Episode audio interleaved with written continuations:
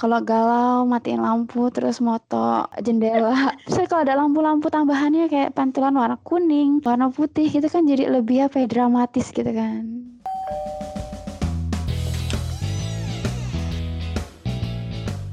Halo kawan, balik lagi di podcast Mendekor. Aku Ivon, barengan sama Kak Caca yang bakal nemenin kamu di podcast kali ini. Kalau ngomongin rumah, ruangan apa sih yang jadi favorit Kak Caca? Kalau ruangan favorit aku sih kamar, Fon. Karena di kamar aku bisa ngelakuin apa aja sampai berjam-jam.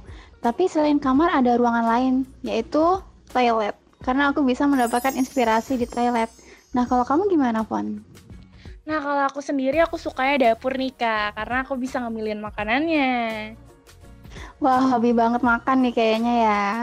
Banget nih. Tapi kalau buat temen-temen yang mau tips ruangan yang lainnya, tenang aja. Karena Mendekor udah siapin podcast-podcast selanjutnya buat kamu. Nah, kalau kali ini sih kita bakal ngebahas untuk kamar aja kali ya, Kak. Karena menurut aku, hmm, ruangan kamar itu merupakan ruangan yang privasi banget buat kita. Iya bener banget, kamar tidur udah jadi salah satu ruang di mana kita bisa menghabiskan banyak waktu di dalamnya. Mulai dari beristirahat, relaksasi, menonton film, membaca buku, sampai bekerja. Buat ruangan satu ini tentunya kita harus memberikan perhatian khusus, mulai dari kenyamanan, kebersihan, dan kerapian. Ngomongin soal kenyamanan, ada satu yang menarik mau kita bahas nih Fon, yaitu trik mengatur pencahayaan kamar tanpa jendela. Tapi ya kak, kenapa sih pencahayaan tuh penting buat di kamar? Ya karena setiap ruangan itu punya beberapa elemen penting di dalamnya yang bisa mempengaruhi mood seseorang. Salah satunya pencahayaan ini. Buat kalian yang penasaran bagaimana caranya, dengerin podcast kita kali ini ya. Beberapa rumah mungkin memiliki kamar yang tanpa jendela. Hasil kamarmu jadi kelihatan serem. Kalau rumah kamu pun demikian, jangan menyerah begitu aja dengan kondisi ruangan yang gelap, suram, dan menyedihkan. Iya, karena ada banyak cara untuk mengubah kamar yang suram menjadi tempat peristirahatan yang nyaman. Nah, ini ada beberapa poin yang harus diperhatikan. Hal pertama yang perlu dilakukan adalah menetapkan focal point atau titik fokus. Nah, Kak, kalau focal point itu tuh seperti apa sih? Ya, jadi titik fokus ini bisa berupa karya seni, unit hiburan, atau apa pun yang bisa membuat orang ketika masuk ke ruangan tersebut akan tertarik ke titik tersebut. Adanya titik fokus ini berguna agar mengalihkan perhatian kamu ketika memasuki kamar. Nah, gimana sih caranya membuat focal point yang eye-catching, tapi tuh nggak ngeganggu kenyamanan? Iya, sebenarnya ada beberapa cara untuk membuat focal point dalam ruangan. Contohnya nih, yang pertama kita bisa gunakan satu warna yang mencolok pada salah satu sisi kamar. Contohnya nih, misalnya satu kamar kan pasti ada empat sisi ya. Salah satu sisinya kita bisa gunakan warna yang mencolok. Misalnya di ruangan tersebut kita dominan menggunakan warna krim. Nah, satu sisi dinding kita bisa buat mural atau kita buat uh, warna yang mencolok seperti warna hijau atau warna kuning, orange seperti itu. Sehingga ketika kita masuk, kita langsung fokus ke dinding tersebut. Yang kedua, kita juga bisa gunakan pajangan atau lukisan yang sangat menonjol dan menarik perhatian.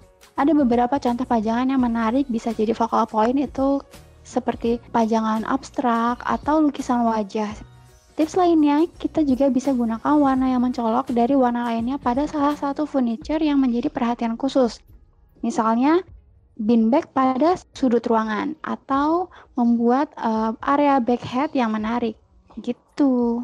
Wow, kalau misalnya nih temen-temen um, kamarnya masih polos, kamu tuh bisa nerapin apa yang tadi Kak Caca bagiin tadi. Nah, kalau Kak Caca sendiri, focal point di kamarnya itu seperti apa?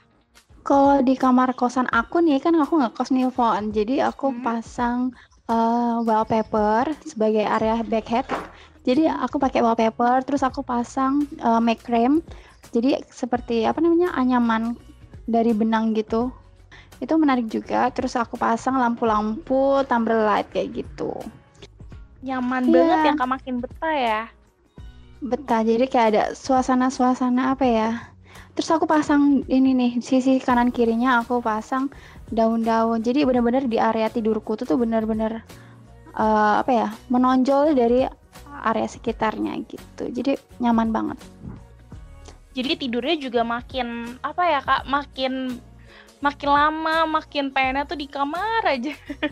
Iya, apalagi kalau malam kan, kalau kita hidupin uh, lampu kelap klipnya, terus kita matiin lampunya, lampu utamanya, kan jadi kayak apa ya, uh, redup-redup nyaman gitu. Gitu. Kalau di kamar Ivan gimana? Aku sendiri um, lebih terbilang plain sih kak. Aku cuma wallpaper aku karena aku sukanya blue, jadinya um, hampir semua wallpaper itu blue semua. Bahkan tirai tirai jendela di kamar aku tuh warnanya biru paling focal point di kamar aku itu um, ada apa ya ada jendelanya gitu sih kak. Ada tirai ada jendelanya juga. Oh jadi uh, tirai ya yang jadi focal point di ruangan Ivon nah yang kedua buat jendela palsu. Untuk menyiasati ruang terkadang kita juga bisa memainkannya secara visual. Menggunakan cermin besar pada banyak sisi dinding dan menggantung tirai di kedua sisinya Efeknya bisa dapat membentuk titik fokus seperti yang dibahas di atas tadi. Selain itu, cermin juga memantulkan cahaya sehingga dapat memaksimalkan cahaya apa pun yang ada di ruangan. Jadi selain membuat ruangan jadi lebih luas, itu juga bisa membuat ruangan jadi lebih terang gitu, Fon. Oh jadi selama ini aku lihat kan kadang um, apa ya kamar teman-teman aku tuh ada kaca-kacanya gitu kak. Jadi itu nggak cuma hmm. bikin luas doang, tapi juga bikin terang ruangan gitu ya. Jadi kan lebih enak juga gitu, lebih nyaman. Iya, nah sekarang juga tuh phone banyak banget variasinya.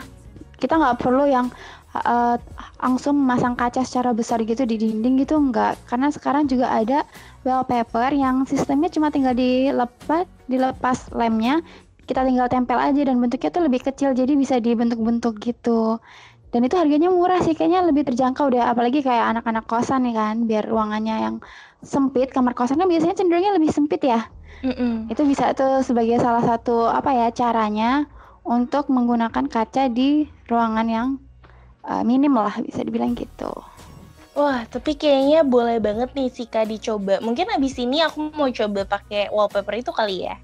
Boleh banget, Fon. Karena banyak banget sih di toko online yang jual wallpaper kayak gitu sekarang. Nah, kalau tips selanjutnya menurut Ivan apa sih? Kalau menurut aku nih kak, cahaya di kamar tuh perlu tersebar merata. Nah, jadi pencahayaan ini penting banget. Jadi mulai dari lampu meja, lampu gantung, terus perlengkapan backhead. Nah, itu kan penting banget ya kak di dalam elemen sebuah kamar. Iya, karena jenis pencahayaan dalam ruangan itu juga macam-macam.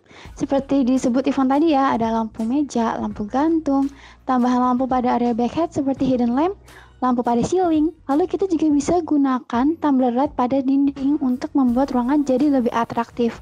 Nah, kalau menurut wow. kamu apa lagi nih, Von? Tapi menurut aku keren sih ya, Kak. Jadi kamarnya tuh lebih apa ya, lebih punya nuansa apa ya? apiknya gitu kan. Nah, hmm, tapi kalau misalnya buat teman-teman atau kawan-kawan yang kamarnya tuh nggak ada jendelanya, kamu nggak perlu takut karena cahayanya tetap bisa merata kok. Caranya adalah dengan men, apa ya mengatur spot lampunya itu agar bisa merata gitu loh di seluruh langit-langitnya. Iya, jadi uh, selain kita pasang di langit-langit kan juga kita bisa pasang yang tadi itu di pojokan, bisa pasang uh, lampu floor lamp ya yang di lantai itu. Jadi ruangan tidak ada yang cenderung gelap. Selain sebagai penerangan ruangan, lampu juga itu dapat bisa jadi elemen estetika pada ruangan tersebut gitu, Fon. Jadi emang banyak banget sih fungsinya lampu atau pencahayaan dalam ruangan ya. Jadi kayak nah. uh, bikin kamarnya tuh lebih nyaman gitu ya, Kak. Iya benar. Selain nyaman jadi kayak kalau kita foto-foto juga lebih bagus ya apalagi sekarang kan banyak nih yang kalau galau matiin lampu terus moto jendela. Terus kalau ada lampu-lampu tambahannya kayak pantulan warna kuning, warna putih gitu kan jadi lebih apa ya dramatis gitu kan. Ini nambah feeds di Instagram stories gitu ya kayak. Ya? Hmm, bener banget. Nah, poin selanjutnya apa coba? Nah, kawan, yang keempat itu adalah hiasi dengan warna terang. Dekorasi dengan warna-warna terang akan membantu menciptakan kesan luas dan terang pada sebuah ruangan. Jadi, walaupun kamar kamu tuh nggak ada jendelanya, tetap bisa terang kok, kawan. Nah, pastikan juga untuk tidak terlalu banyak menggunakan warna kontras. Terlalu banyak menggunakan warna kontras akan membuat ruangan tuh jadi lebih gelap dan sempit gitu. Karena setiap warna mengeluarkan cahaya tersendiri nih, jadi kita harus berhati-hati dalam pemilihan warna pada suatu ruangan. Contohnya aja nih ya, apabila kita menggunakan warna abu-abu tua, pasti ruangan itu jauh lebih gelap daripada ruangan yang bercat dinding putih, meskipun menggunakan lampu yang sama. Selain itu, warna juga bisa mempengaruhi psikologi manusia. Saranku sih, lebih baik dalam suatu ruang kamar menggunakan warna yang terkesan terang dan dingin, dan dingin gitu, seperti putih, krim, dan warna pastel lainnya. Wah, pantesan aja ya, Kak. Um, kan di kamar aku tuh lebih, karena aku sukanya biru, aku pakainya tuh biru tua gitu. Jadi cenderung lebih gelap gitu. Mungkin abis ini aku bakal renovasi warna ke sky blue aja kali ya, Kak? Boleh itu bisa jadi ruangannya lebih terang dan memberikan kesan yang lebih positif ya, Fon. Mm-mm. Boleh dicoba. Nah, poin selanjutnya adalah memilih furniture yang pas dan sederhana. Ketika kita memiliki kamar yang sempit, akan banyak muncul persoalan tentang pemilihan furniture yang digunakan. Pilihlah furniture yang berukuran tidak terlalu besar dan memiliki warna yang lebih netral dan natural. Misalnya saja, sofa, lemari, dan tempat tidur. Furniture yang sederhana dan polos atau memiliki satu warna akan membuat kamar terlihat lebih besar, lebih terang, dan lebih terkesan uh, luas. Beda halnya ketika kamu memilih furniture-furniture yang banyak motif dengan warna yang mencolok.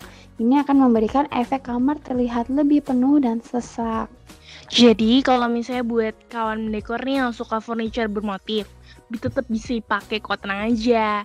Tapi yang terpenting adalah mm, memberikan kesan senada dan harmoni pada sebuah ruangan. Jadi kamu harus bisa memperkirakan mm, barang bermotif itu cocok gak sih kalau misalnya dipakai di kamar kamu. Karena jangan terlalu banyak barang yang bermotif itu supaya nggak bikin pusing juga kalau buat ngelihatnya.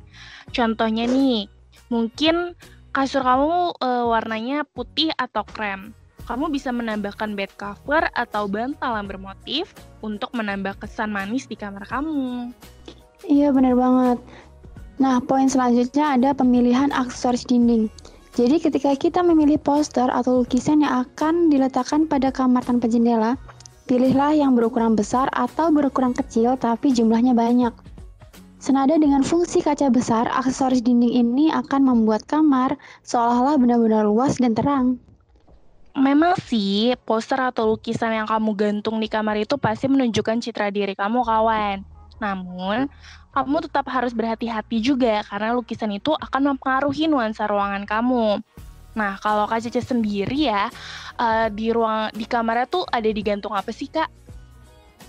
Kalau di kamar aku, aku nggak pakai poster atau lukisan ya. Aku lebih ke pakai make frame gitu. Karena kamar kosan aku tuh cenderung kecil tapi kalau di kamar yang ada di rumah aku pasang poster-poster kaktus-kaktus gitu. Bukan poster sih kayak lukisan eh, foto-foto kaktus gitu.